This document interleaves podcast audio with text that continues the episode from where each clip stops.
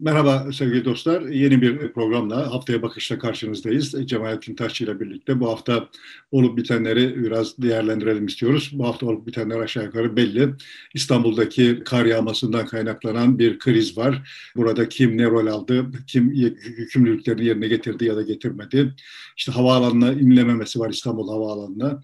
Arkasından Büyükelçi ile yenilen bir yemek var. İstanbul Büyükşehir Belediye Başkanı'nın mobese kameraları var. Cumhurbaşkanı Erdoğan'ın Sezen Aksu'yla ilgili bir değerlendirmesi var. E, ben aslında onu kastetmedim e, diyerek bir farklı pozisyon almış oldu. Uzun bir aradan sonra bir tür örtülü özür dileme de denebilir. Öyle bir tutum içerisine girmiş oldu. Millet İttifakı'nda yeni arayışlar mı var? Ahmet Davutoğlu üçüncü bir ittifakın peşinde mi? Muhafazakar ve sağ kesimdeki partileri bir çat altında toplayıp CHP ve HDP ile de birlikte hareket etmeye e, meyledip yeni bir ittifak biçimini mi arzuluyor gibi meseleler var. Biraz bunları e, konuşalım e, istiyoruz Cemalettin Taşçı ile beraber. Evet, istersen Sezen'den değil de krizden başlayalım. ben şimdi sana bir tuzak kurdum. Çok alakasız bir yerden başlayacağım. Çünkü bütün bu gündemin içinde benim bu hafta kafamı bütün bunlardan daha çok meşgul eden bir hadise oldu. Bunu da seninle paylaşmadım, kasten paylaşmadım biraz. T24'te Esra Şengüler ünsür bir yazı yazdı. Bu yazı kısa bir yazı ve işte anlattığı hikaye şöyle bir şey. 2007-19 2007-2019 arasında Kanada'da Ontario eyaletinde 2937 cerrahın 1,3 milyar hastayla kontağından, kontağı üzerinden yapılan bir analiziden söz ediyor. Bu işte JAMA Journal of Surgery'de yani Amerikan Tıp Birliği'nin cerrahi periyodiğinde yayınlanmış bir araştırma. Sonuçları yayınlanmış. Esra Hanım'ın anlattığı kadarıyla kadın hastaların erkek cerrahlarla kontaklarında ölme ihtimalleri kadın hastaların kadın cerrahlarla kontaklarında ölme ihtimallerinden yüzde 32 fazlaymış. Yani ciddi bir bu, fark var. Bu şöyle bir şey yani mesela erkek hastaların kadın cerrahlar ve erkek cerrahlarla kontaklarında böyle bir fark yok yani. Fark hasta kadın cerrah erkek ise ortaya çıkıyor. Bunu yorumsuz bir biçimde paylaşmışlar Esra Hanım'ın anlattığına göre ve bunun üzerine işte Guardian geçen ay yayınlanmış araştırma. Geçen hafta da Guardian İngiltere'deki cerrahlara bu iş nasıl oluyor, neden oluyor, olabilir diye sormuş. Onlar da fikirlerini, tahminlerini öne sürmüşler. İşte bir grup demiş ki kadınların çok kırıldım olduğuna, ağrı eşiklerinin düşük olduğuna inanıldığı için genel olarak erkekler onların şikayetlerini ciddiye almıyor olabilirler. Bu yüzden hata yapıyor olabilirler bir grup başka bir grup demiş ki kadınlar erkek doktorlarla kendi mahremlerini paylaşırken eksik bilgi veriyor, utanıyor, çekiniyor, eksik bilgi veriyor olabilirler. Bu yüzden ortaya çıkmış olabilir. Üçüncü bir grupta demiş ki kadın cerrahlar erkek cerrahlara kıyasla daha az güvenilir bulundukları için kamuoyu erkek cerrahlara daha çok güveniyor ve kadın cerrahlar da bunu biliyor oldukları için daha titiz davranıyorlardır. O yüzden daha e, az hata yapıyorlardır. Bu çok bu case'i açıklamıyor ama yani sonuçta ben e, bunu okudum, çarpıldım kendi hesabıma ama hadiseyi kendimce bıraktım ama o beni bırakmadı yani. Bir haftadır bunun etrafında düşünüp duruyorum. Düşündüğüm şeyler de hani tıbbi meseleler değil yani başka meseleler. Senin de bu konuda fikrini alayım diye ve böyle spontane bir biçimde alayım diye de kasten paylaşmadım. Şimdi çok ciddi bir fark olduğu görülüyor yani ölüm ihtimallerinde üçte bir kadın hastaların ölüm ihtimallerinde üçte bir ciddi bir fark var ise e, bir kere ilk önce aklıma gelen soru şu oldu bu evrensel bir şey mi acaba her yerde var mıdır? Birinci soru bu oldu yani kafama düşen. Tabii hemen arkasından düşen de benim yani peşinden sürükleyen soru da şu oldu. Yani Türkiye'de durum nedir acaba? Bunun hemen akabinde gelen soru da şu oldu. Ben bunu öğrenebilecek miyim? Yani bir tarih gelip de biz Türkiye'deki işte kadın cerrah, erkek cerrah, kadın hasta, erkek hasta vesaire arasındaki şeylerden haberdar olacak mıyız?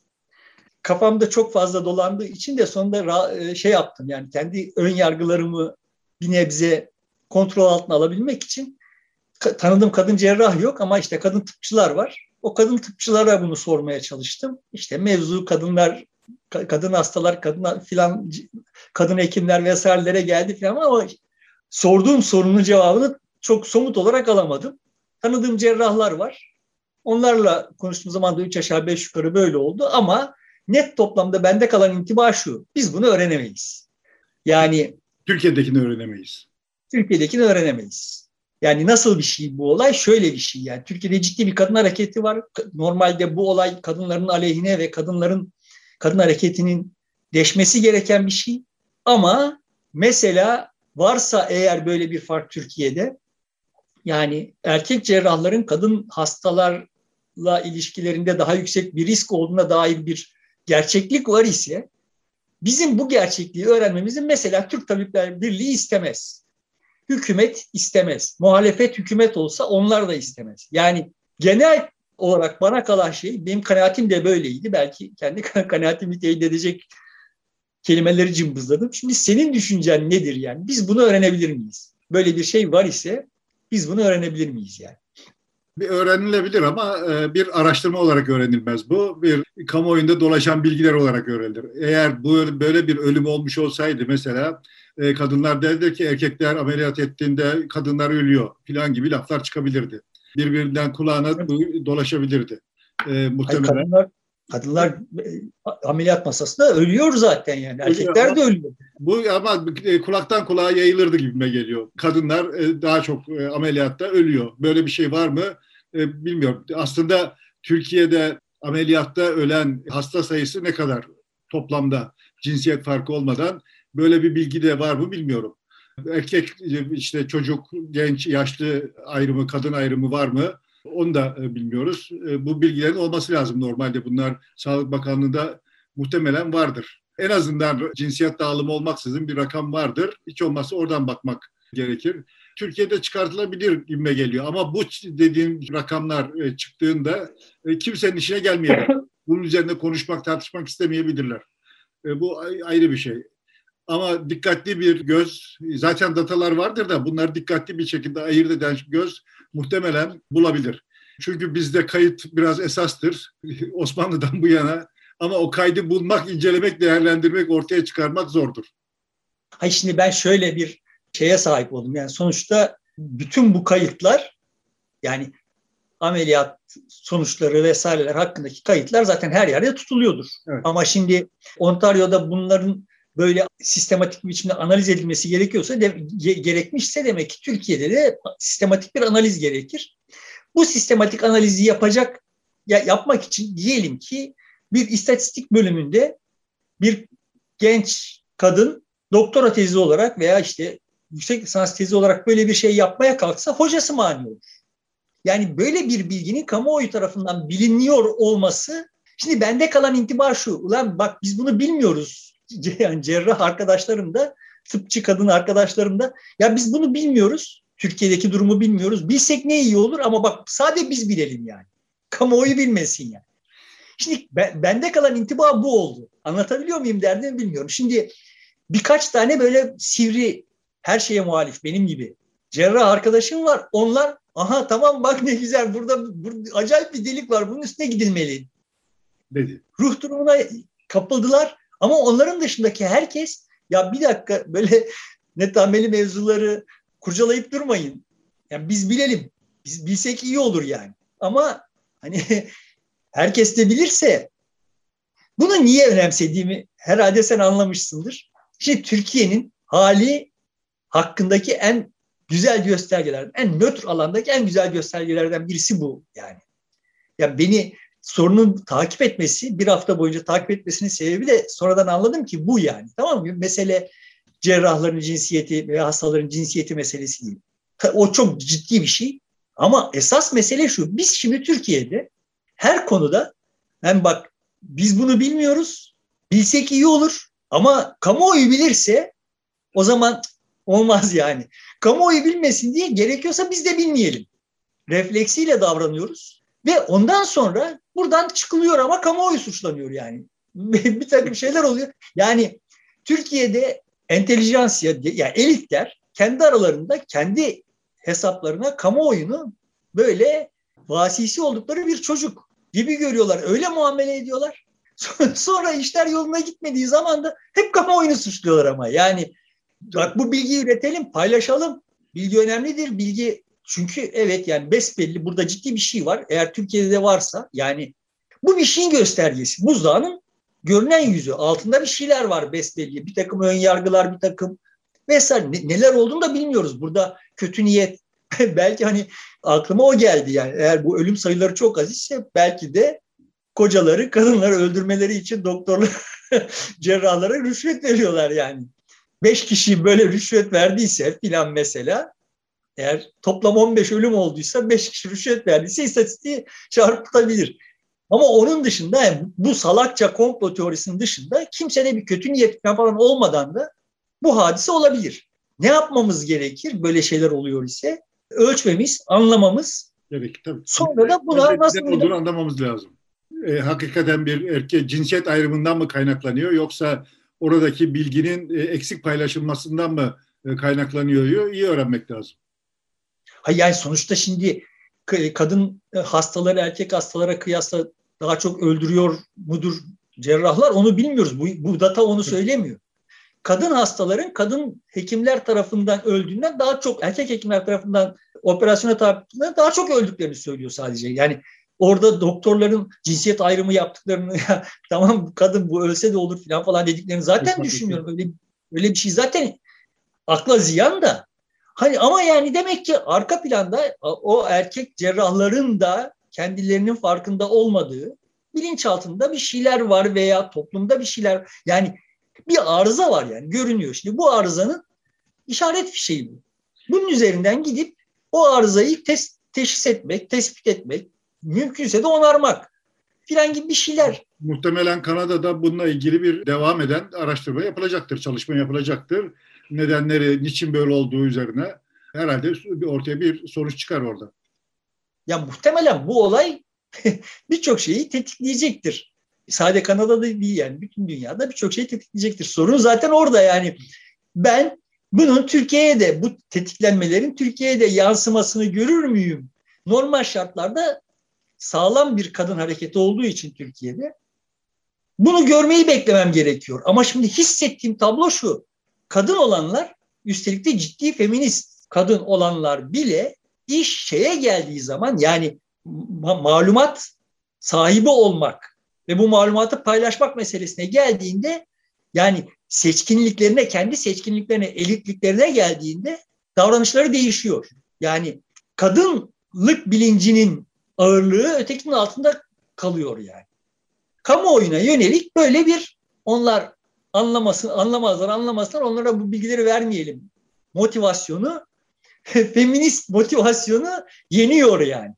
Bu her hepsinde değildir mutlaka ama işte görünen o ki bunların ağırlıkları itibariyle şimdi hissiyatım o ki biz kısa vadede bu araştırmaları yapıp yayınlanmasını sağlayamayız. Dolayısıyla herhalde ben ölmeden bunları göremem diye düşündüm. Umarım seni Bu, yanıltacak bir gelişme olur. Umarım Türkiye beni yanıltır. e, Türkiye'nin yanıltması gerekmiyor. Türkiye'den cevval bir iki bu konulara yatkın insanın ortaya çıkması bile yetebilir.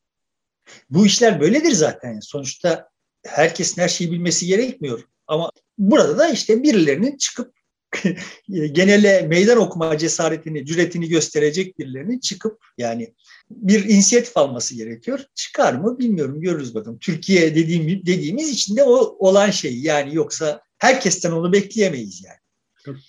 Peki o zaman buradan Sezen'e geçelim. bir kadın sanatçı olduğu için bir bağlantı olarak olabilir. E, Sezen Aksu işte bir e, beş yıl önce söylediği bir şarkıdan dolayı beş yıl sonra neredeyse e, mahkum edilmeye kalkışıldı. İşte Adem ve Havva'ya sen hakaret ediyorsun, bunlar bizim değerlerimiz, kutsalımız denildi. Ve hakikaten hem evinin önünde bir basın toplantısı yapıldı, taciz edildi. Hem de 81 ilde savcılıklara gidildi. Suç duyurusunda bulunuldu. Siyasiler konuştu. Bahçeli kuzgun olma, serçe kal filan dedi. Arkasından da Cumhurbaşkanı Erdoğan dedi ki ya bir yanlış oldu ben onu kastetmedim Sadece değerlerimize sahip çıktım. Değerlerimize bir hakaret olursa onlara karşı nasıl bir tutum alacağımızı ifade etmeye çalıştım anlamında bir e, değerlendirme yaptı. NTV'de, kamuoyu önünde, canlı yayında. Bir anlamda örtülü bir özür dilemiş oldu. Bir yanlış oldu. Biz bunu yapmamalıydık anlamına gelen ya da bizim öyle bir anlam çıkarabileceğimiz bir değerlendirmede bulundu.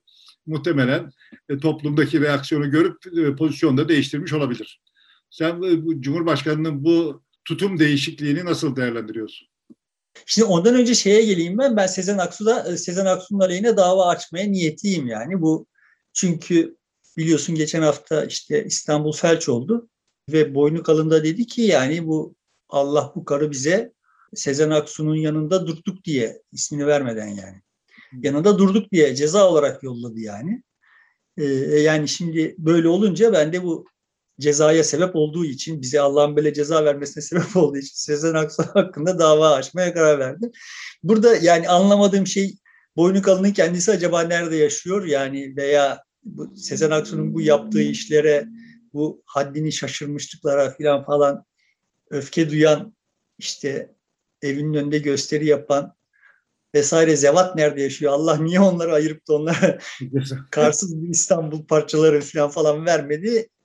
Yani şimdi belki onlar evlerinden çıkmamışlardır. Dolayısıyla bir ben de çıkmadım. Yani sonuçta şimdi bu iş e, ciddi ciddi üzerine konuşulmayı hak edecek bir şey değil yani başından itibaren zaten Türkiye'de herhangi bir şey artık ciddi ciddi üzerine konuşulmayı hak edecek bir şey değil ama işte ısrarlı bir biçimde bir takım adamları ciddiye almamız gerektiği konusunda takıntınız var. Ben ge- geçen de de söyledim yani sonuçta burada ibretlik olan şey Sezen Aksu'nun duruşu. Bu Sezen Aksu'nun duruşu karşısında Erdoğan'ın işte böyle özür dilemek falan falan diye tarif ettiği şey açık bir biçimde geri adım atma benim açımdan. İlk defa geri adım atmıyor ama hiç geri adım atmamış bir adam olarak pazarlanmayı, kendisini öyle pazarlamayı falan falan sürdürüyor. Hayatı geri adımlarla geçti. Hiçbir gerçekten geri adım atması gereken hiçbir yerde ıskalamadı. Hepsine geri adım attı yani. İşte Mavi Marmara'sında koalisyon kurması, Bahçeli ile koalisyon kurması da bir geri adımdır. Önce çok şiddetli bir şekilde e, karşı karşıyaydı, muarızdı. Şimdi bir ittifak içerisinde. Ya Ergenekon'dan, Mavi Marmara'sından yani işte Mısır'la ilişkilerinden, şimdi işte bilmem kimlerle iş tutmaya çalışmasından, Amerika ile bütün ilişkileri tamamı böyle yani işte Rahip Brunson krizi vesaire falan geri adım atmasını e, eleştiriyor olarak söylemiyorum. Geri adım atılacak yerde geri adım atmak bir erdemdir. Ama böyle geri adım atma, atmayan Kasımpaşalı delikanlı falan falan masallarına itirazım oldu hep. En başta şu anlamda itirazım oldu. Geri adım atmamayı bir erdemmiş gibi pazarlıyor olmanın riski çok yüksek yani. Yani geri adım atılması gereken yerde geri adım atılmalı zihniyetinin Türk toplumda yaygınlaşmasına mani olan bir şey bu yani. Dolayısıyla da bu yanlış bir şeydi. Ama işte burada da açık bir biçimde geri adım attı. Yarın öbür gün yine buna bir, yanına yamacına bir şeyler eklenir vesaire. Kim demiş yani zaten uzun süredir Türkiye yönetmiyorlar. Algı yönetiyorlar yani. Sittin senedir böyleler yani. Bu algıları yine yönetirler. Söylediği laf bariz bir biçimde e, Sezen Aksu'ya gidecek bir laf idi doğrudan doğruya Sezen Aksu'ya gitti. Çok da riskli bir laf idi. Ama hani bu attığı geri adımla bir takım manyakların Sezen Aksu'ya yönelik bir takım şiddet eylemlerinde bulunma ihtimali düşmüştür. Ciddi oranda düşmüştür. Yani ciddi oranda yüksektir diye düşünüyorum. O artık çok küçülmüştür. Muhtemelen şey kimse konuşmaz bile aleyhinde şu anda medyada şurada burada herhangi bir yazı haber değerlendirme çıkmaz. Demeç veren hiç olmaz muhtemelen suç duyurusunda bulunduğu savcılar da herhangi bir soruşturma açma gereği duymazlar. Ama net toplamda yani şimdi bu hikayenin etrafında zaten çok şey konuşuldu edildi. Çok da şey konuşulması edilmesi gerekiyor. Yani işte bu ifade özgürlüğünden kardeşim kimin kutsalı nedir? Bu kimin kırmızı çizgisine göre davranılacak vesairelere filan falan kadar birçok şeyin konuşulması gerekiyor da net toplamda herkesin burada asıl görmesi gerektiğini düşündüğüm ve kimsenin de görmediğini düşündüğüm. Yani görmesi gereken kimsenin görmediğini düşündüğüm. Hani İrfan Aktan'ın yazısından misal vererek ilham alarak söylemiştim yani. Asıl mesele içerik değildir yani. Siyasette, sadece siyasette değil, hayatta da. Asıl mesele içerik değildir. Senin karşında bir matematik öğretmeni geçer. Öğrettiği matematik, öğretmeye çalıştığı matematiğin içeriği bellidir. Öğrenemezsin. Bir başka matematik öğretmeni aynı mevzuyu sana anlatır ve öğrenirsin. Yani burada böyle ama kardeşim işte içerik aynı falan falan denecek bir laf bir şey yok yani. İçerik hep aynı olabilir.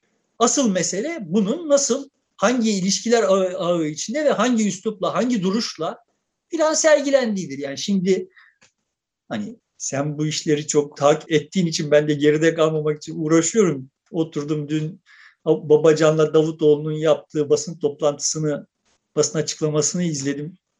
yarım saatini, yarım saatimi verdim yani. Ya yarım saatten geriye hiçbir şey kalmadı yani. Böyle siyaset olmaz. Ama işte bak içeriği şu filan falan demenin büyük mü yok ya. Bu hani sen ne dedin Erdal İnönü için? manşet, manşet çıkmaz mı? yani onunla görüştüğü zaman manşet çıkmazdı gazeteciler gittiğinde. Çünkü başka şeyler anlatırdı. Çok fazla bir şey olmazdı. Evet, yani şimdi burada yani böyle bir profesör vesaire edasıyla bize ders veren bir adam edasıyla vesaire durmadan uzun düzgün cümleler kurarak falan falan bir şeyler söylüyor. Bittiği zaman lan bu adam ne dedi diyorsun yani. Hiçbir şey yok yani. Kardeşim bu bu siyaset değil. Bak ama şimdi şurada şu cümlede var ya falan falan deyip altını çizip bir şeyler söylerse adam söyledi falan. Ya böyle olmaz. Yani mevzu bu değil yani. Dolayısıyla ama bak işte orada içerik olarak filanca da şu, şunu yapmıştı bu vatandaş anlamadı falan falan diyenlerin tamamının hile yaptığını düşünüyorum.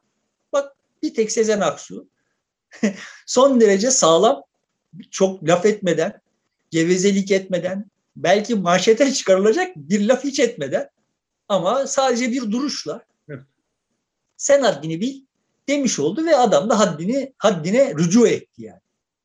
Buradan öğrenilmesi gereken, siyasetçilerin öğrenmesi gereken çok şey olduğunu düşünüyorum ama kimsenin buradan bir şey öğreneceğini de tahmin etmiyorum. İşin acı tarafı o. Yani hala böyle bir yığın gevezelikler, bir yığın yani şimdi Kılıçdaroğlu'na yine işte Kılıçdaroğlu yine muhtemel başkan adayının bir vasfını daha bir kere daha açıklamış manşet başlığını gördüm de altına bakmadım. İşte siyasetçi olması gerekiyor demiş filan yani. Ya hangi bağlamda söylemiş bunları bilmiyorum. Yine adama soruldu da söylemek zorunda kaldı mı yoksa yani, kendisi sorulmuştur öyle. Sorulmuş da öyle söylemiştir zaten. Konuşmak istemeyecek konu çünkü. yani bir aday üzerine bu kadar çok konuşulup bu kadar çok sorulması vesaire falan bütün bunlar hepsi abes. Bunun, burada bu siyaset değil yani. Hani bu arada şunu da demiş olayım yani o işte evinden yaptığı son video da siyaset değil. Yani bu yolsuzluk öyle bir şey. Yani bu yolsuzluk tar- tartışmalar öyle bir şey ki yani bir limiti geçtiği zaman artık zaten bir anlamı kalmıyor değil mi? Negatif etki yapıyor yani. Yani bu artık o kadar olağanlaşıyor ki. Ama orada Hey, bu... daha çok yolsuzluktan ziyade bürokrasiden bana bilgi geliyor. Haberiniz olsun. Bürokrasi artık bizimle beraber mevcut iktidarla değil mesajını verdi diye anladım daha çok. Şimdi sen böyle anladın ve böyle anlamak için gerekli donanıma sahipsin, tecrübeye sahipsin vesaire. Evet, benim hissettiğim de asıl kasıt da bu. Ama o videoyu düz bir vatandaş, yani düz bir vatandaş, o vatandaş olumsuz olarak söylüyorum. Yani gündelik hayatının hengamesi içinde kafasında 40 tane şey olan mesela kadın cerrahlar erkek cerrahlara kıyasla acaba daha mı iyi falan falan gibi düşünceler olan benim gibi adamlar vesaire yani karısıyla kavga etmiş, kocasıyla kavga etmiş insanlar, çocuğunun bilmem ne problemiyle uğraşan insanlar şimdi bu videoya maruz kaldıklarında onlarda kalan aa bir tane daha yolsuzluk. Eğer bak kardeşim bana bürokrasiden çok bilgi akıyor. Dolayısıyla evet bak işte burada gördüğünüz gibi devlet şöyle çalışıyor vesaire falan falan. Hani buradan ne murad ediyoruz? İktidara eli ben sende demeyi murad ediyoruz. Bürokrasinin içinde kendi sana şimdiye kadar sıcak bakmayanlara ya bak rahat olun sizin pozisyonunuzda olup bana bilgi aktaran ve yakalanmayanlar var diyoruz. Kamuoyuna da ne diyoruz? Yani işte endişe etmeyin bunlar gidici. Bürokrasi, kendi bürokratları bile bunları satıyorlar diyoruz. Değil mi yani? Evet. Kastımız bu yani. Şimdi senin anladığın benim anladığım bu şimdi. Ama bu, o videodan bu çıkmıyor yani. Bunu başka bir hikayeyle başka bir şekilde falan falan yap. Yani bunun, bunun yolsuzluk iletişiminin bir manası yok artık. Kastettiğim şey bu. Şimdi ama içeriği bak ama içeriğinde zaten söyledi bak orada dedi ki ne güzel oldu şimdi çok güzel dürttün ya mesela. Ama orada dedi ki bak işte devletin içinde böyle bürokratlar da var dedi. E, dedi ama yani o dediği ötekiler arasında kaybol, kaybolup gidiyor.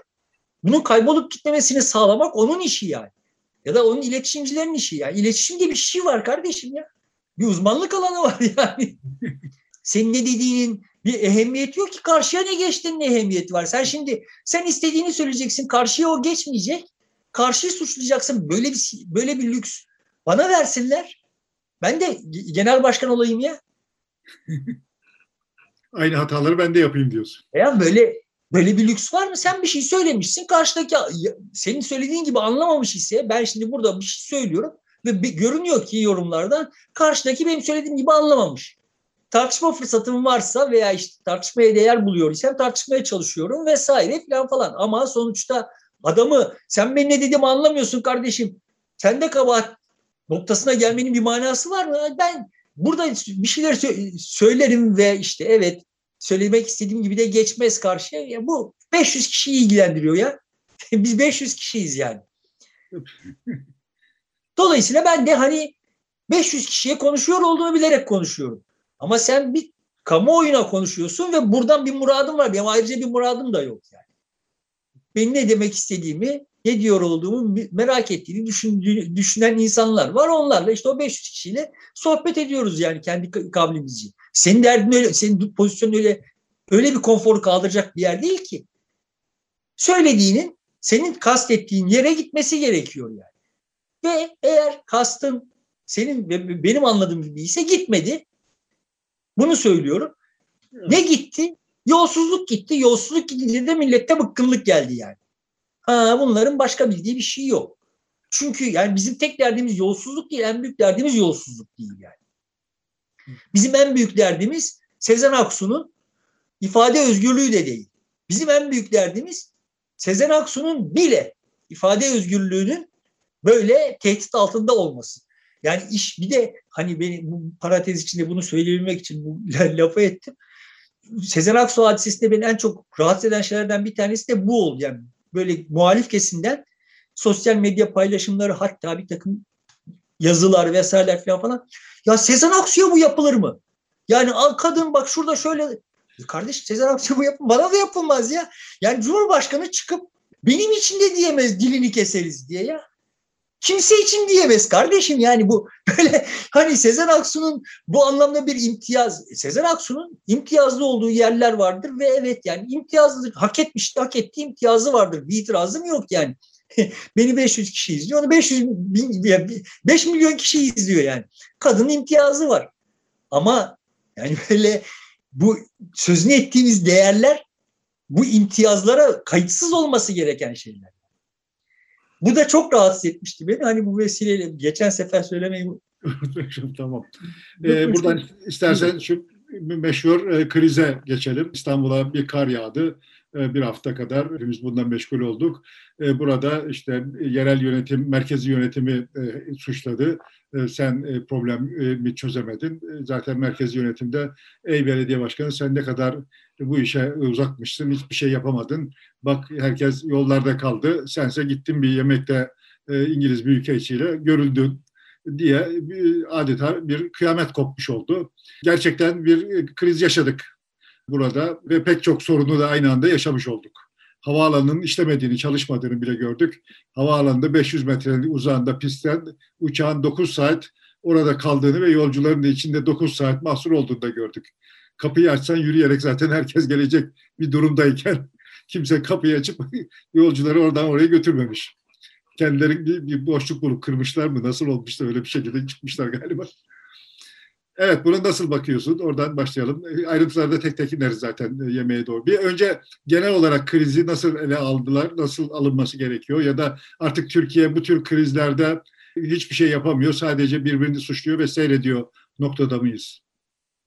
Şimdi işin teknik tarafından bakınca aslında bu hikayede, bütün bu hikayelerde beni en, en çok ilgilendiriyor olan şey, beni en çok teyit eden husus. O da şu. Ben kudretin merkezileşmesinin riskli bir şey olduğunu söyleyip gelen, yani bunu sadece siyasi anlamda değil, her anlamda kudretin merkezleşmesiyle problemi olan, bunu da yani akademik bir biçimde, hani böyle politik vesaire bir mevzu olarak değil ya, akademik bir mevzu olarak bunu iş edinmiş bir adamım. Dolayısıyla mevcut yönetimin, Türkiye'nin mevcut yönetiminin zaten bir rezilliğe yol açması bekleniyordu ve rezilliğe yol açtı. Şimdi işi sadece bu düzlemde tutacak olursak yangınlardan, sellerden kara geldik ve görünüyor ki Türkiye kelimenin gerçek anlamıyla normalden küçücük bir takım sapmalar olduğu zaman reaksiyon göstermekten aciz bir hale gelmiş durumda. Yani Türkiye'de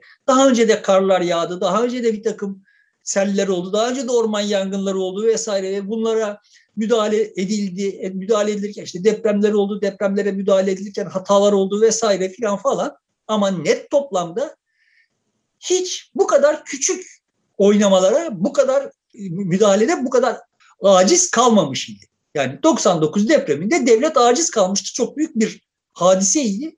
Şimdi biz kar yağıyor benzer bir hadiseyle karşılaşıyoruz. Orman yanıyor benzer bir hadiseyle karşılaşıyoruz. Şimdi bu beni benim evet yani kudret merkezileştiği zaman çaresizleşir tezimi doğrulayan bir şey. Dolayısıyla bunun üzerinden saatlerce konuşabilirim. Konuşmayacağım yani sen de rahat ol. Çünkü hani yıllardır sadece bunu konuşuyorum. Ama şu hatırlatmayı yapayım. Şimdi ben böyle bir manşetini hatırlıyorum Yeni Asır'ın da sonra Yeni Asır'ın arşivine girip bulamadım. Al Yanak belediye başkanı olduktan sonra yanlış hatırlamıyorum. İzmir'de. İzmir'de. Yeni Asır AP yanlısıydı. İlkan Alyanak Cumhuriyet Halk Partisi'nden İzmir Belediye Başkanı olmuş idi 12 Eylül öncesi. Evet. Evet. Yani Osman Kibar gibi efsane bir belediye başkanından belediye başkanlığını almış olduğu için de işte CHP'liler için de bir sembol vesaireydi. O böyle hani tam e- Ecevit kabarması dönemi deki yerel seçimde. Şimdi Alyanak belediye başkanlıktan sonra bir takım böyle işte iklim şeyleri oldu filan falan. Ve Yeni Asır şöyle bir manşet atmıştı. Dediğim gibi ben hatırlıyorum da şeyi bulamadım yani sonra. Yağma yağmur esme rüzgar İzmir Belediyesi zor durumda diye. Şimdi tablo tam böyle bir şey yani. Yağma yağmur, esme rüzgar, yağma kar, yapma, yanma orman. Çünkü Erdoğan'ın rejimi bunlara çare bulamıyor yani. Yani herhangi bir şeye çare bulamıyor. Şimdi mevzuyu siyaset tarafına getirmiş oldum. Yani teknik taraftan siyaset tarafına getirmiş oldum. Bu düzlemde bakın. Ya kardeşim bu hikaye bariz bir biçimde görünüyor ki bütün bu hikayeleri arka arkaya koyduğunuz zaman bariz bir biçimde görünüyor ki herhangi bir politik şeye gönderme yapmadan muhafazakarlığa, sosyalistliğe, Kürtlüğe, şuna buna yani sizin politik diye bildiğiniz herhangi bir şeye gönderme yapmadan mevcut hükümeti sadece hükümet etme kabiliyetsizliği üzerinden ve de işte eğer istiyor iseniz bu mevcut sistemi de ondan mesul tutma. Şimdi ben bunun Erdoğan'ın beceriksizliğinden kaynaklandığını düşünmüyorum. Ya da ideolojisinin beceriksizliğinden kaynaklandığını düşünmüyorum. Neyden kaynaklandığını düşünüyorum demin dediğim gibi. Bu iktidar mimarisinden kaynaklandığını düşünüyorum. Ama kamuoyu bu bağlantıyı kuramayabilir. Sıradan insan bu bağlantıyı kuramayabilir. Ben kurabiliyorum. Neden kurabiliyorum? Çünkü benim hayatım bu zaten. Yani bu kurulmadan önce de zaten bu tür mimariyle suçlamış olduğum için kurabiliyorum. Çok yetenekli, çok zeki olduğundan değil. Kendimi başkalarının ayırıyor de, değilim yani. Ama şimdi sıradan insan bunu kuramayabilir. Kuramasın. Yani sen siyasi iletişim açısından baktığımızda doğrudan hükümetin hükümetin başarısızlığına, basiretsizliğine vurabilirsin burada. Sen söylemişsin zamanında bu havaalanının yeri yanlış. Bunu sakız gibi çiğnedik. Yeri yanlış biliyoruz yani. Ya boş, boş ver şimdi bak. Ama zaten biz söylemiştik bunu yeri. Ya tamam bak onları söylemiştim biliyoruz. Sen şimdi boş ver kardeşim bak kamuoyu 6 ay içinde aşırı orman yangınından, selinden kar yağışına geldi ve aciz bir yönetim var. Yani sen şimdi bunu paketle ve bu yönetimin acizinin göstergesi olarak yani Ötekini yan hikaye olarak yine kullan. Yani bak bunun yolladığı bakanlar bunun yaptığı ve çok övündüğü bütün dünyanın kıskandığını söylediği havaalanına inemiyor. Ama bak bunu bunu söylediğin zaman otomatik olarak şu çağrışımı uyandırıyorsun. Ha bunlar derdi havaalanı. Evet bende de kalan intiba bu. Derdiniz havaalanı. Havaalanı yanlış ama bunu biliyoruz da kaldırsak kaldıramayacağız yani. Orada duruyor. Havaalanındaki rezilliği yine kullanım ve bak bunların yönetim hikayesi bu yani. Bunlar bu kadar acizler. Hani böyle afra tafra kostaklanıyorlar vesaire falan. Bunlar acizler kardeşim. Şimdi kamuoyunda siyaseten muhalefet yani Süleyman Demirel dediğin adamın bütün muhalefet dönemi bunun üzerine değil ya. Çünkü kamuoyunda adamın muhafazakar olması, dindar olması, olmaması şusu busundan daha mühimi. Yani sen siyaseti bunlar üzerinden parselleyip bunlar üzerinden konuşuyorsun da kamuoyunun birinci önceliği şu lan burada yangın çıktığı zaman müdahale etmeyi bilmeyen birisi var yani. Ya bu kaygı başta başta bir iştir. Ama şimdi senin derdinin aslında bu olmadığı görülüyor. İkinci düzlemi bu işin yani sahiden bir tuhaflık. İkinci düzlemi buydu. Bunu şeye bağlayayım ben.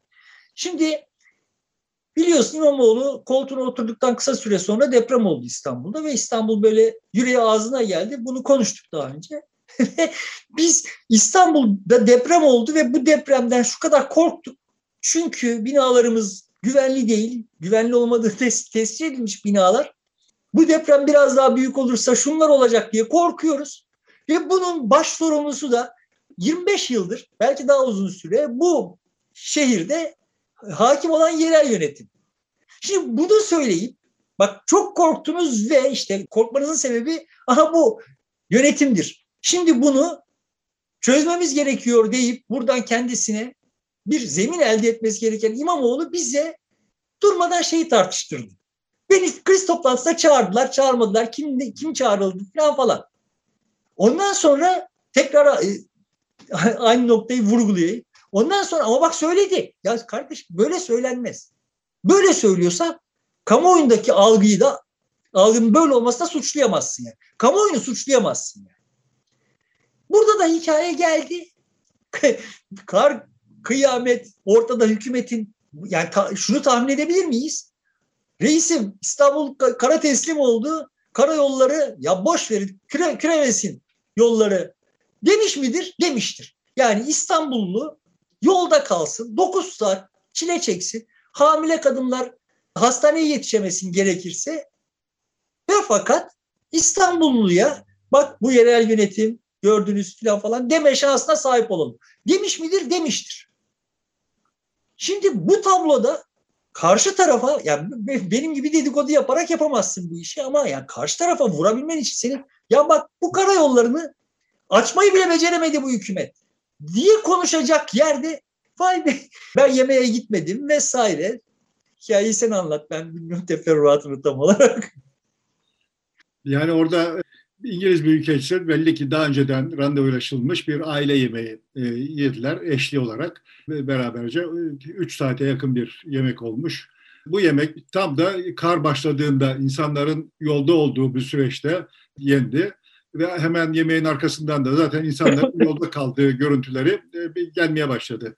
Dolayısıyla buradan Ekrem İmamoğlu da oradan suçlanıyor. Sen kardeşim şehirle uğraşmak yerine e, karla mücadele etmek yerine gittin büyükelçiyle yemek yedin e, diye. Çünkü burada bir de şöyle durum oldu. Böyle bir yemeğe gittiğini sakladı kamuoyundan, söylemedi. Ortaya çıkmış olmasına rağmen isim vermedi. Uzun bir süre ondan da saklı kaldı. Ya bir saat bir yemek molası verdik ne var bunda dedi. Hem bu doğru çıkmadı hem de bir saatlik yemek molası değilmiş. Büyükelçiyle bir araya gelinmiş. E, bunlar dolayısıyla tartışıldı. Birdenbire gündem karla mücadeleden çıktı İmamoğlu'nun bir lokantada, balıkçı lokantasında Büyükelçiyle yemek yemesi. Vay bunu nasıl yer? Görevdeyken bunu nasıl yapar? Daha doğrusu böyle bir kriz var iken böyle bir yemeği nasıl yer e, tartışıldı. Bir de niye sakladığı tartışıldı. Daha çok da benim gibiler niye saklıyorsun kardeşim böyle bir yemeği diye e, eleştirmiş olduk. Aynı zamanda da basın sözcüsü Murat Ongun da tweet atıyordu. İşte bunlar troll o görüntüler gelmeye başladığında sıcak evinizden oturup da bunları atıyorsunuz belli ki falan gibi. Oysa anlaşıldı ki kendisi İsviçre'de. İşte sömestri nedeniyle eşi ve çocuğuyla birlikte e, oraya tatile gitmiş. E, olabilir, gidilebilir, doğrudur. İnsanların ailesiyle bir arada olması bizim geleneğimizde de önemsenir, değer verilir bu böyle şeylere. E, o zaman sen ben izindeyim diyeceksin. Buradaki kim var ise onlar bakacak. Yani bize yalan söylüyor olması hoş bir tablo değildi. Açığa çıkınca e, bu benim mahremim niye e, bunu açıyor e, konuşuyorsunuz filan gibi laflar etti. Biz senin mahremini konuşmuyoruz. İsviçre'deyken İstanbul'da ofisindeymişim gibi bize e, bilgi aktarıyor olmana itiraz ediyoruz. Dolayısıyla burada bir eksi duruma geçmiş oldu İmamoğlu. Evet. Yani burada tekrar söyleyeyim içeriklerin hepsi yani bir kere zaten konunun içeriğinin İmamoğlu'nun İngiliz Büyükelçisiyle yemek yemesi haline gelmiş olması zaten başlı başına bir fiyasko. Ama esas fiyasko içerik değil. Esas, esas fiyasko duruş. Hani sen söylediğinden benim anladığım esas fiyasko duruş. Ya ben İngiliz Büyükelçisiyle yemek yerim. Çünkü yani zaten burada bu işlerle ilgilenmesi gereken ekibimi ben zaten uygun seçtim vesaire filan falan deyip karşı taarruza geçersin ve dersin ki zaten bu hükümet aslında beni kendisine rakip gördüğü için beni zor duruma düşürmek için yolları temizlemedi kardeşim. Benim sorumlu olduğum yollar şuralar. Yani sıradan vatandaş bilmez tekrar. Bilmesi gerekmiyor yani. Ama işte belli yollar Büyükşehir Belediyesi'nin belli yollar, ilçe belediyesinin belli yollarda hükümetin karayollarının kontrolünde yani. Ve anladığım kadarıyla krize sebep olan, krizde gündeme gelen yollar karayollarının sorumlu olduğu yollar. Esas itibariyle orası evet. Büyük tıkanmalar orada çünkü. Oraya girince çünkü çıkamıyorsun uzun bir süre. O yolda kalmak zorundasın. Bir yerde tıkandı mıydı beklemek durumundasın. Yan çıkışları çok az olan yerler. Evet. Dolayısıyla bende kalan intiba şu. Bariz bir biçimde yani çünkü ilk defa olmuyor böyle bir kar. Ama ilk defa böyle bir kriz oldu. Bende kalan intiba dolayısıyla elimde teyit edecek bir bilgi yok. İntiba olarak konuşuyorum. Kasten temizlenmedi. Çünkü benzer bir şey yani aynı karda Büyükşehir Belediyesi'nin sorumlu olduğu yollar yani her ilçeden geçen yollar ise Büyükşehir Belediyesi'nin sorumlu olduğu e, yollar vardır. Belli bir genişliğin üstündeki yollar Büyükşehir'in sorumluluğundadır. Yani Üsküdar'da da işte Büyükşehir'in sorumluluğunda olan yolları tahmin edebiliyorum. Onların hepsi açıktı. İlçe belediyesinin sorumluluğunda olan yolların bir kısmı açık bir kısmı çamurluydu yani. Karlıydı. Karlıydı. Sonuçta görünüyor ki hem yerel belediyeler hem de merkezi hükümet İstanbul Büyükşehir Belediyesi'ni zor durumda bırakmak için bir operasyon yapmışlar gibi görünüyor bana. Ya buna hazırlıklı değilsen yani kara hazırlıklı olmaktan kastetmiyorum yani. Sana böyle bir takım her şeyden bir fırsat arıyor olduklarının farkında değilsen buna tedbirin yoksa zaten siyasetçi olarak sana güvenme şansımız yok. Şimdi içerik konuşmuyoruz yani bir Tabii duruştan söz ediyoruz. Zaten kar yağacağı bir hafta önceden belliydi. Meteoroloji söyleyip duruyordu. E, Büyükşehir Belediye Başkanı şu daveti yapabilirdi. E, valiyle toplantı yapmak, bir kriz toplantısı yapmak istiyoruz. Bütün belediye başkanları işte vali katılsın. E, orada da diyelim ki toplantı olmadı. Şöyle bir açıklama yapabilirdi. Kar şu miktara geldiği zaman şehre girişler durdurulmalıdır. İşte büyük araçlar girmemelidir şu yollara işte şu olduğu zaman öğret, e, özel araç kullanılmamalıdır. Ama bu çağrıyı ben yapamam. Benim yetkimde değil. Bunu da valinin yapması lazım gibi önceden bir hafta bir, birkaç gün önceden bir krize karşı bir eğri, önlem tedbiri açıklasaydı aşamalı olarak bu bile yeterdi. Ya bu kadar basit bir şeydi. Yani hadi o ya böyle de olabilir bilmiyorum yani ama sonuçta o gün o gün defansa çekilip böyle yok ama saat yemek molasıydı falan falan gibi böyle defansa çekilip Üstelik de bir de kamuoyunu aptal yerine koyacak. Yani hani sen anlat. Yani sonuçta İngiliz Büyükelçisi Ankara'dan çıkmış İstanbul'a gelmiş. Devlet onun kiminle görüşeceğini falan falan bilmiyor olabilir mi ya? Sen bunu saklayabilir misin yani? Zaten büyükelçiler bulundukları ülkede başkenti bıraktıkları zaman bilgi vermek zorundalar. Nereye gittiğine dair, niçin gittiğine dair bilgi veriyorlar. Diplomasinin bir geleneği. Dolayısıyla İngiliz Büyükelçisi de İstanbul'a geliş bilgisini vermiştir. Şimdi bu şartlar altında sen bunu saklayabilir misin yani? Ama şimdi gelelim Mobese hikayesine. Mobese hikayesinde aldığı tavrı son derece sağlıklı ve tırnak içinde siyasi buluyorum. Yani kardeşim bak sen siyasi rakibini zor duruma düşürmek için devletin mahrem bilgisini servis edemezsin yani. Ya Mobese kayıtları öyle her isteyenin her istediğinde canı çektiğinde filan falan paylaşabileceği bir şeyler değil. Şimdi orada iki şey var. Bir restoran içerisinde bir fotoğraf var. Bunun Mobese ile ilgisi yok. Zaten ilk yayınlanan e, fotoğraf o. Dolayısıyla bir e, restoranda olduğu, yemek yediği e, fotoğrafı belgesiyle var. Önce bunu yalanlamaya e, kalktılar ama e, gayet açıktı belge, e, ortadaydı. Ondan sonra bu yalanlamaya kalkınca da Mobese görüntüleri çıktı. O ikincisi. Tamam şimdi benim anladığım İmamoğlu tekrar hani böyle oturup da bütün teferruatını izli, izlemiş değilim neler dediğinin de ama anladığım kadarıyla tamam o restoranda benim fotoğrafım çekilmiş, çekildi farkındayım, kimin çektiğini de biliyorum. O ayrı bir bahis. O ayrıca hesabını göreceğiz vesaire falan falan diyor. Onda niye hesabını göreceğiz onu da anlamış değilim. Yani dediğin gibi sonuçta İngiliz Büyükelçisiyle yemek yiyor olduğunu saklayamaz. Bu saklamaman gerekiyor. Saklanacak, ayıplanacak bir şey değil ki ya. Bir büyükşehir belediye başkanı bir ülkenin büyükelçisiyle yemek yiyorsa bu övünülecek bir şeydir. Kamuoyuna da anlatılır. Şunun için yedim. İşte İstanbul'la Londra'yı mesela şöyle e, buluşturmak gibi bir derdim var. İkisinde kültür merkezi yapacağım. Neyse bir şey atarsın. bir konu vardır muhakkak görüştüğün. İşte burada sorun ne? Yani aslında kamuoyuna güvenmiyor oldukları için sonuçta iktidarla muhalefetin bu anlamda aralarında bir fark yok yani aslında bir şey yönetmiyorlar, algı yönetiyorlar. Durmadan bir algı yönetimi var. Yani vay kriz anında İstanbul krizde boğuşurken işte böyle fedakarca günde 20 saat çalışan bir belediye başkanı. Yani buna ihtiyaç yok. Ve dediğin gibi bu İngiliz Büyükelçisiyle yemek bambaşka şekilde sunulabilir vesaire falan. Ama şimdi bunlar yapılmayıp şunu defansa yapabilirdi. Atom merkezine gider, orada bir basın toplantısı yapar. Derdi ki şu anda başkan vekilimi burada bırakıyorum. Ben daha önceden bir randevum vardı. İngiliz Büyükelçisiyle bir yemek yiyeceğiz. O yemeği yiyip hemen geliyorum görevin başına dese herkes bunu anlayışla karşılar. Şimdi işte sonuçta en başta söylediğim mevzuya geliyoruz. Yani cerrahların cinsiyetlerinin olayı nasıl etkiliyor olduğundaki bilgileri bizim bilmemizden korkuyor olanlar kimlerse bunlar da aynı yani. Tamam, şimdi orada bir şeyler var ve bunları bizim bilmemizden korkuyorlar. Bize güvenmiyorlar yani. Bize inanmıyorlar kendi aralarında bir kapalı devre oyunları var. Bu kapalı devre oyunda da yani şimdi hiçbirisi bize güvenmiyor. Bu konuda sıradan vatandaş olarak artık yeterince tecrübe sahibiyiz. Hiçbirisi bize güvenmiyor ama o kapalı devre oyunu birileri ötekilerine gol atacak şekilde oynuyor. Ve o zaman aralarında yapacağın tercih ne oluyor? Yani hangisi gol atıyorsa onu tercih ediyorsun. Ne olmuş oldu? Sen şimdi İngiliz Büyükelçisiyle yemek yedin ve bana güvenmediğin için böyle yan yollara saptın filan falan bir yığın ucuz sahtekarlıklara heveslendin, yakalandın. Tamam. Şimdi oradan sonraki tavrı bence doğru bir tavır yani. Yani tamam benim orada fotoğrafımı çeken kim varsa onun hesabını göreceğiz ama ne bu mobese kayıtlarını kim nasıl servis etti? Hangi yetkiye yaslanarak?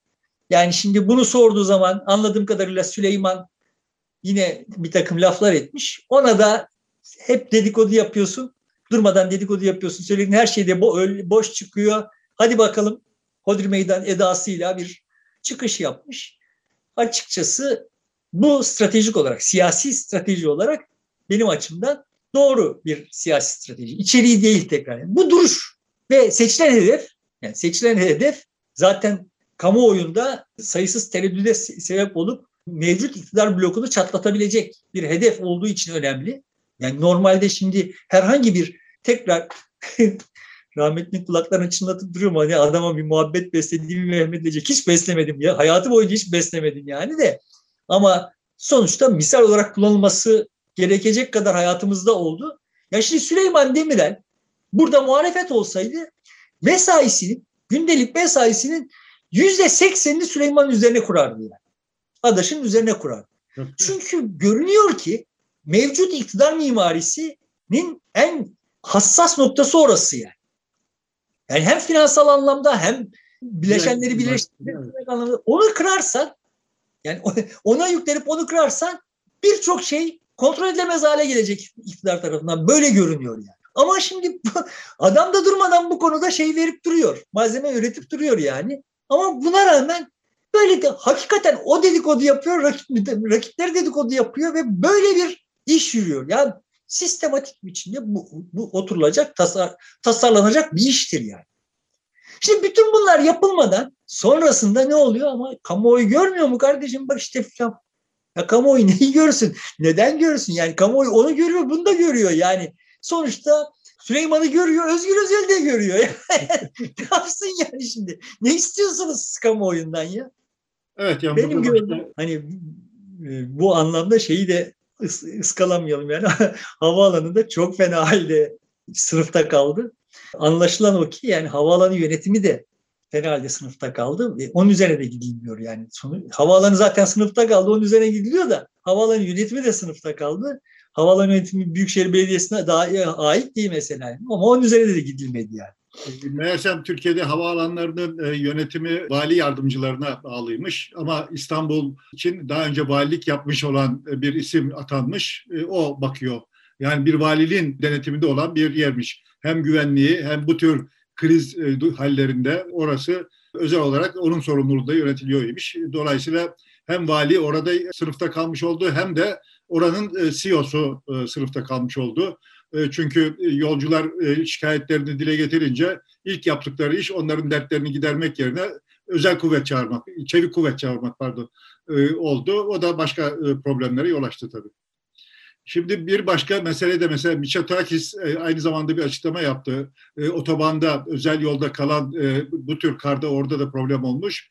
Dedi ki bunları tazminat ödemesi gerekiyor bu şirketin. Çünkü para alıyor parayı niçin alıyor? Bunlar burada rahat hareket edebilsinler, e, bir sorunla karşılaşmasınlar diye. Hizmet veriyor çünkü onlara karşı.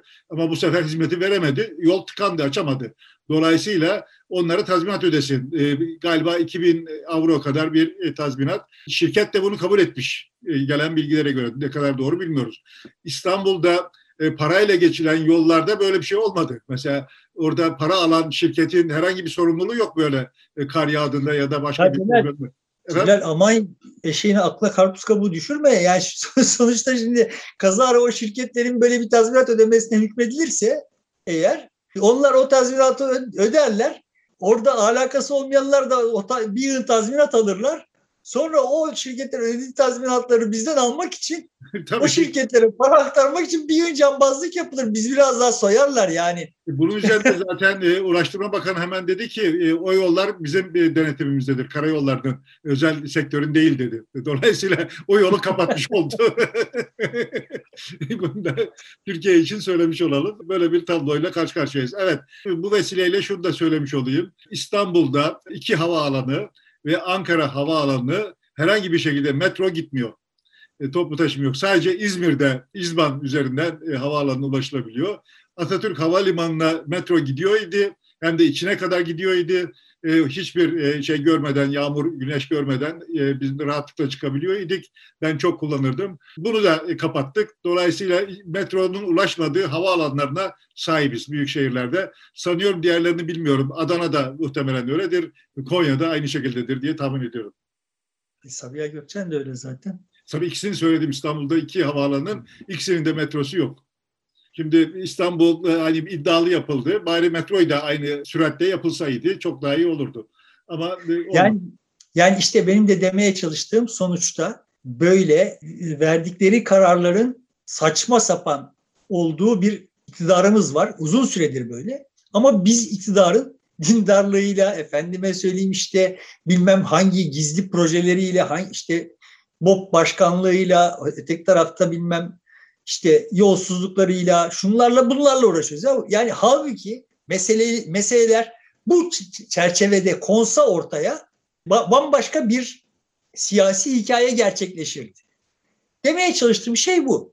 Hani bu kime oy veriyoruz, niye oy veriyoruz serisini de biraz bu yüzden yapmaya çalışıyorum yani. Son tahlilde kurduğumuz, kendi kendimize kurduğumuz ve böyle gerçekliğinden hiç şüphe etmediğimiz her şeyi açıklıyor olduğundan şüphe etmediğimiz bir şablonumuz var. Böyle işte muhafazakarlık, sol, solculuk vesaireler falan falanlar üzerinden. Durmadan bunların üzerinden konuşuyoruz. Hayat durmadan bunları yalanlıyor yani. Ama bunu söylediğin zaman da kimse seni sevmiyor. yani, Bu arada nasıl oy veririz serisi iyi başladı. İlgi yüksek. Bizim ölçümüzde ilgi yüksek. E, doğal olarak iyi ki başlatmışız diyeceğimiz bir şey galiba. E, katkı da var, e, yorum da var, tepki de var. E, bu da güzel, sevindirici bir e, tablo diye görüyorum. Davutoğlu'nun yeni bir ittifak arayışına istersen kısaca bir değerlendirelim. Sonra da kapatırız. Yani ben Davutoğlu'nun neyin peşinde koştuğunu Aslında kendi sözlerinde...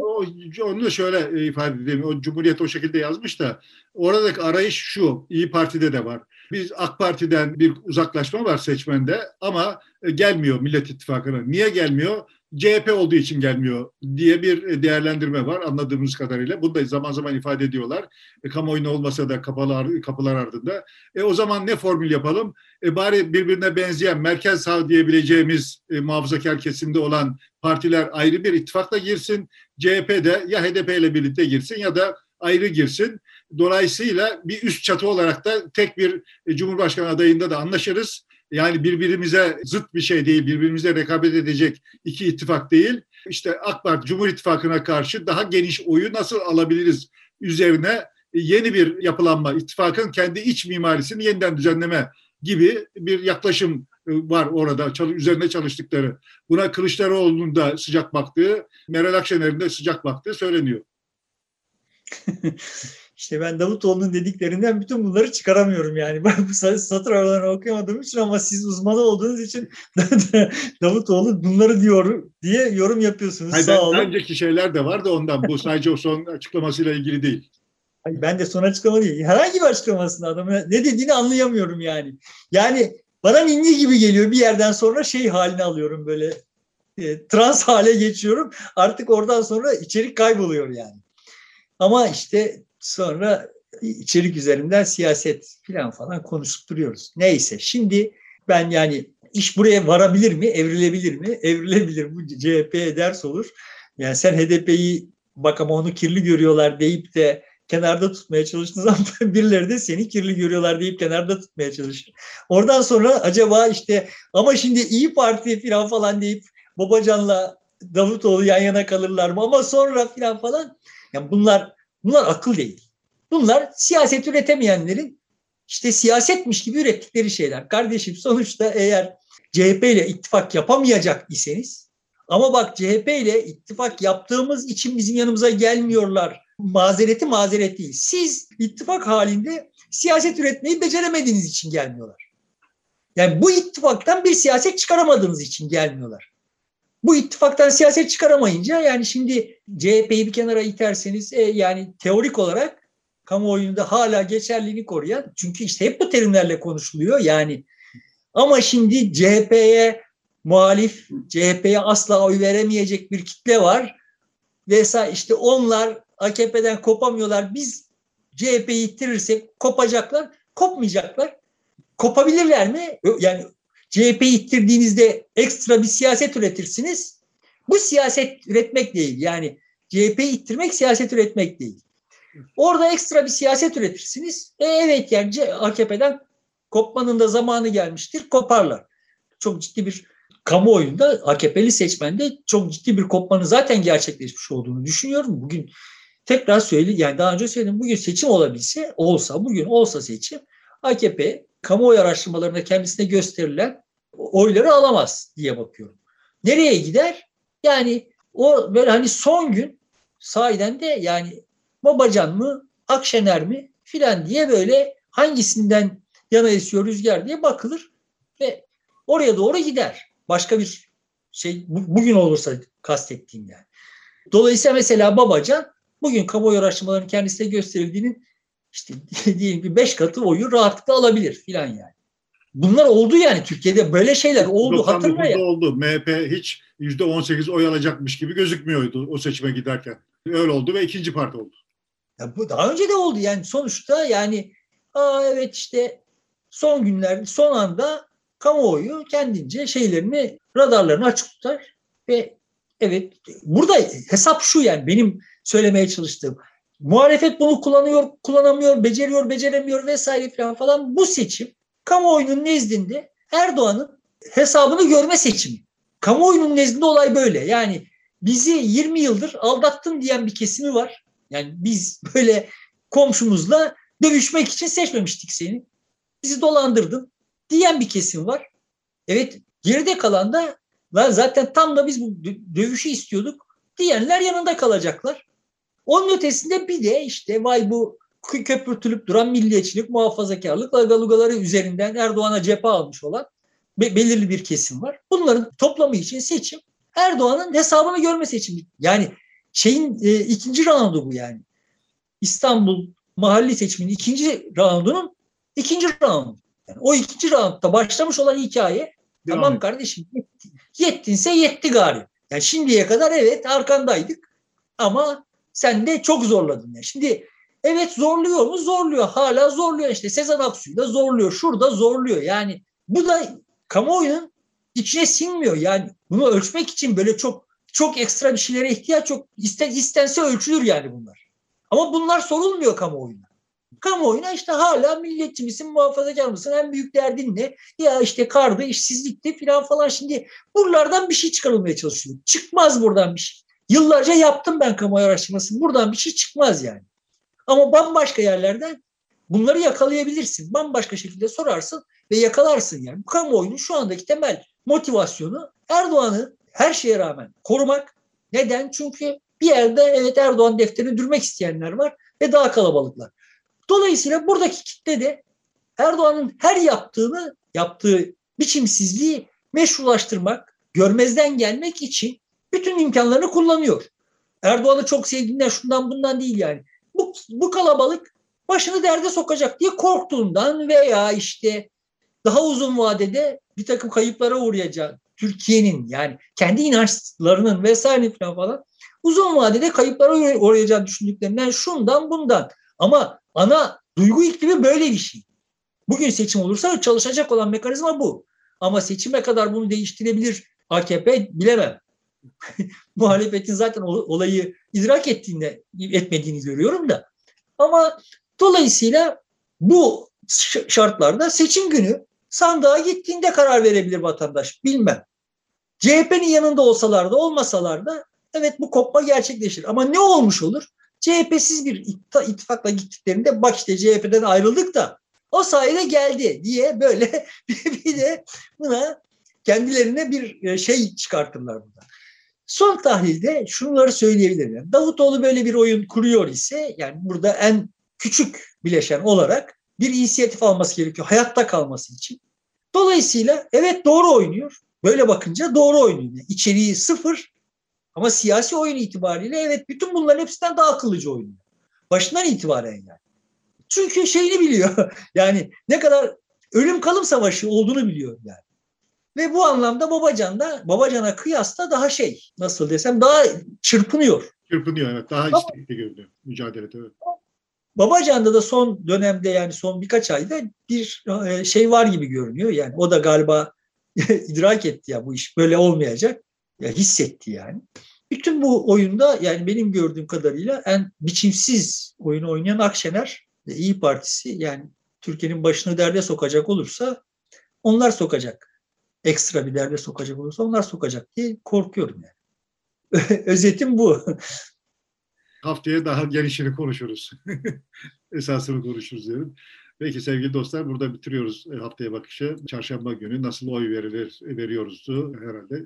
Onun ikinci bölümünde karşınızda olacağız. Görüşmek üzere. Şimdilik hoşçakalın.